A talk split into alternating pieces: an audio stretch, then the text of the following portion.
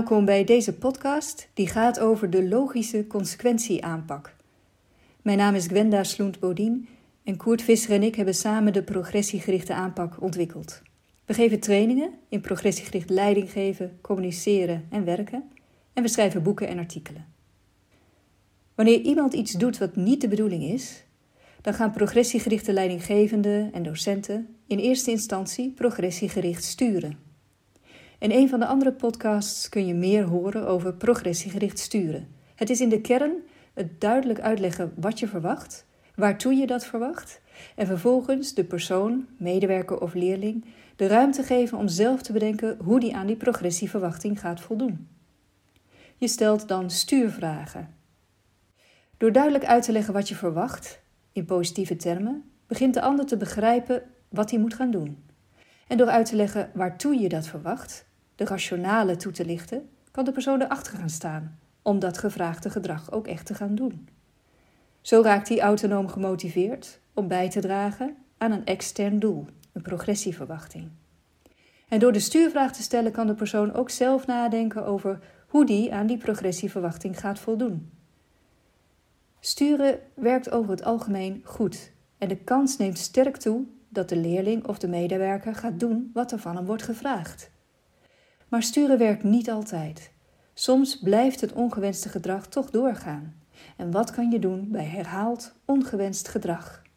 Neem bijvoorbeeld de situatie van Laura, een middelbare scholiere die tijdens de les zit te kletsen en te lachen en op haar telefoon zit te spelen.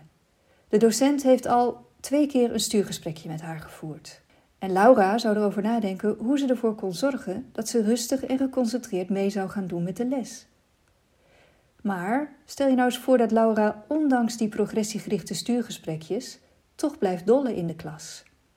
Er zijn drie veel voorkomende, maar niet zulke effectieve manieren van reageren op herhaald ongewenst gedrag. De eerste, niet zo effectieve manier is dat er niet wordt ingegrepen. De tweede is dat de docent blijft uitleggen wat de bedoeling is. En de derde is dat de docent gaat straffen. Bij niet ingrijpen laat de docent of de leidinggevende het gedrag gaan. Er gebeurt niets en hij activeert de persoon niet om toch te gaan voldoen aan de progressieverwachting. Er zijn geen consequenties. Het nadelige effect daarvan is dat het gedrag zeker niet zal stoppen, misschien wordt het zelfs erger. En het kan ook zo zijn dat omstanders hetzelfde ongewenste gedrag gaan vertonen. Immers, je komt ermee weg. De tweede, niet zo effectieve manier van reageren op herhaald ongewenst gedrag is blijven uitleggen. De docent of de leidinggevende blijft steeds opnieuw uitleggen wat er toch misgaat als de persoon dit ongewenste gedrag vertoont en wat de negatieve effecten ervan zijn. En hij blijft steeds toelichten wat hij verwacht en waarom hij dat verwacht en wat het belang ervan is. De derde, niet zo effectieve manier van reageren op herhaald ongewenst gedrag is het straffen. Het doel van een straf is om de ander te laten boeten voor wat hij heeft gedaan. En het idee is dan dat de leerling of de medewerker zich eerst slechter moet gaan voelen voordat hij zich beter kan gaan gedragen. Hoe klinkt dat als de docent bestraffend zou reageren op Laura's herhaalde ongewenste gedrag in de klas? Dat zou bijvoorbeeld zo kunnen klinken. De docent zegt: Laura, je zit weer te kleppen. Wat heb ik nou gezegd? Eruit jij! Laura: Wat? De docent: Ik zet de klas uit. Genoeg is genoeg. Na schooltijd kom je terug en ga je een strafopstel schrijven over respect.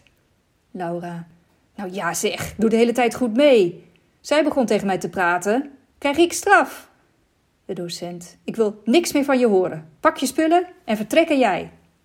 Laura: Het is niet eerlijk. De docent: Nog één woord en je kunt de hele week nablijven met je grote mond. Zo spreek je niet tegen mij, jonge dame. Nou, schiet op, de gang op met jou, wegwezen. Dan kom ik misschien een keer een lesgeven toe. Eruit!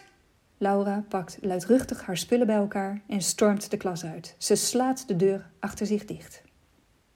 Deze straffende aanpak werkt niet goed en berokkent schade. Bij straffen kan de persoon een negatief gevoel krijgen over zichzelf, over de straffer en over de relatie tussen hem en de straffer. En die negatieve gevoelens kunnen het moeilijk maken voor de persoon om alsnog het gewenste gedrag te gaan laten zien.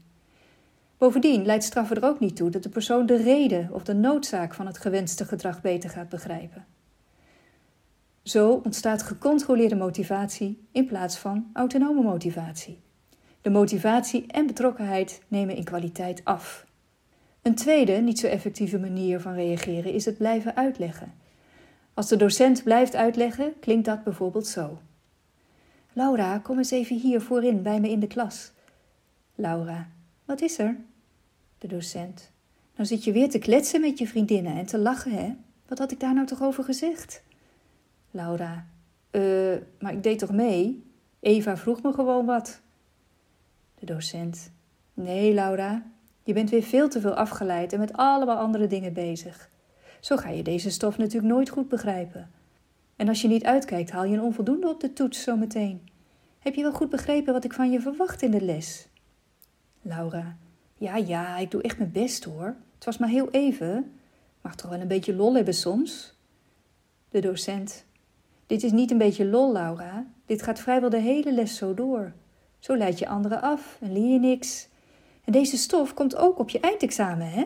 Het is echt belangrijk dat je goed meedoet en je je concentreert op je sommen goed maken. Laura. Oké. Mag ik weer gaan zitten? Docent. Nou, ik vind het wel echt belangrijk dat je beter mee gaat doen met de les, want dit werkt zo niet. Voor mij is het ook echt heel vervelend dat jij zo zit te kletsen. Ik word erdoor afgeleid. Ik kom niet toe aan het behandelen van alle stof. Ik kan geen aandacht besteden aan de andere leerlingen die mijn hulp ook nodig hebben, omdat jij de hele tijd alle aandacht van me opslokt. Alsjeblieft, doe een beetje meer je best, hè, Laura? Laura. Oké, zal ik doen hoor. Laura loopt terug naar haar plek en trekt haar gekke bek tegen haar vriendinnen. Ook deze manier van reageren is niet zo effectief. Want bij blijven uitleggen is het nadeel dat de persoon die het ongewenste gedrag bleef vertonen, het gevoel kan krijgen dat hij zelf mag bepalen of hij wel of niet gaat voldoen aan de verwachting. Als hij iets ziet zitten, doet hij het en anders misschien niet. Bovendien, er zijn geen consequenties die verbonden worden aan het herhaald ongewenste gedrag. En dat gedrag kan dus doorgaan. En dat kan ook gaan uitbreiden naar andere leerlingen of naar andere medewerkers. Immers, dat ongewenste gedrag is niet de bedoeling, maar het wordt wel getolereerd, want er wordt geen grens gesteld. De logische consequentieaanpak is een effectievere manier van reageren op herhaald ongewenst gedrag. Hij is uitgebreid onderzocht binnen de zelfdeterminatietheorie. En bij die aanpak is er een consequentie voor de leerling. En die consequentie heeft een directe relatie tot het onderwerp, het probleem en het doel. En die consequentie kan daardoor gemakkelijk als begrijpelijk en ook acceptabel worden gezien. Als de docent de logische consequentieaanpak gebruikt, dan klinkt dat bijvoorbeeld zo. De docent loopt naar Laura's tafeltje en zegt op rustige toon en gedempt volume: Laura, ik wil dat je je spullen in de tas doet en naar de gang toe gaat. Laura: Wat? Waarom dat? De docent: Het is belangrijk dat het rustig is in de klas en dat alle leerlingen zich kunnen concentreren op de stof. Jouw gedrag leidt af en daarom moet je de klas nu verlaten. Pak je spullen maar en ga maar naar de gang. Laura: Stom zeg! Ik wil helemaal niet weg. Ik kletste maar heel even. Docent: Ik snap heel goed dat je het niet leuk vindt en goed om te horen dat je liever wilt blijven in de klas. Maar je moet het lokaal nu verlaten, zodat de klas in alle rust aan de slag kan met deze moeilijke stof. De volgende les ben je weer welkom, onder de voorwaarde dat je rustig en geconcentreerd mee gaat doen. Laura pakt haar spullen en staat langzaam op. De docent zegt: Je kunt een plekje zoeken op de gang en daar met je wiskundesommen aan de gang gaan als je dat wil. En na de les wil ik je graag nog even spreken. Ik wil dat je me dan gaat uitleggen hoe je vanaf nu rustig en geconcentreerd mee gaat doen met de lessen. Bij de logische consequentieaanpak wordt het duidelijk waarom de logische consequentie doorgevoerd moet worden, zodat de medewerker of de leerling die logische consequentie en het doel kan gaan begrijpen en kan internaliseren. De logische consequentieaanpak zorgt ervoor dat de leerling of de medewerker verantwoordelijkheid gaat nemen voor zijn ongewenste gedrag en voor de oplossing daarvan. De medewerker of leerling krijgt informatie over de relatie tussen zijn eigen gedrag en de negatieve consequenties daarvan en wordt betrokken bij het oplossen van het probleem dat daardoor is ontstaan. De logische consequentieaanpak is een belangrijke interventie die ingezet kan worden bij herhaald ongewenst gedrag. In de logische consequentieaanpak kun je de volgende progressiegerichte principes herkennen. De leidinggevende of docent komt direct eerlijk ter zake over het onderwerp en ook over wat de logische consequentie is, net als bij een slecht nieuwsgesprek. De docent of de leidinggevende legt beknopt uit waarom die logische consequentie noodzakelijk is in deze situatie. En vervolgens biedt de docent of de leidinggevende perspectief. Hij legt uit wat er nodig is voor een goed vervolg van de situatie. Eventueel kan hij hier ook een stuurvraag stellen. Zoals de docent in dit voorbeeld deed. Ik wil graag dat je me gaat uitleggen hoe je vanaf nu rustig en geconcentreerd mee gaat doen met de les. Het vierde principe is dat bij de logische consequentieaanpak boosheid en onvriendelijkheid wordt vermeden. De leidinggevende of de docent blijft rustig. Het is immers niet de bedoeling dat de persoon zich slecht gaat voelen over de logische consequentie. Het is de bedoeling dat de persoon de logische consequentie gaat begrijpen. En het vijfde principe is: sluit steeds erkennend aan op wat de ander zegt voordat je doorschakelt. Meer lezen kan in onze boeken, bijvoorbeeld in ons nieuw te verschijnen handboek Progressiegericht Leiding geven. En meer leren kan in onze trainingen. Kijk maar eens op www.cpw.nu.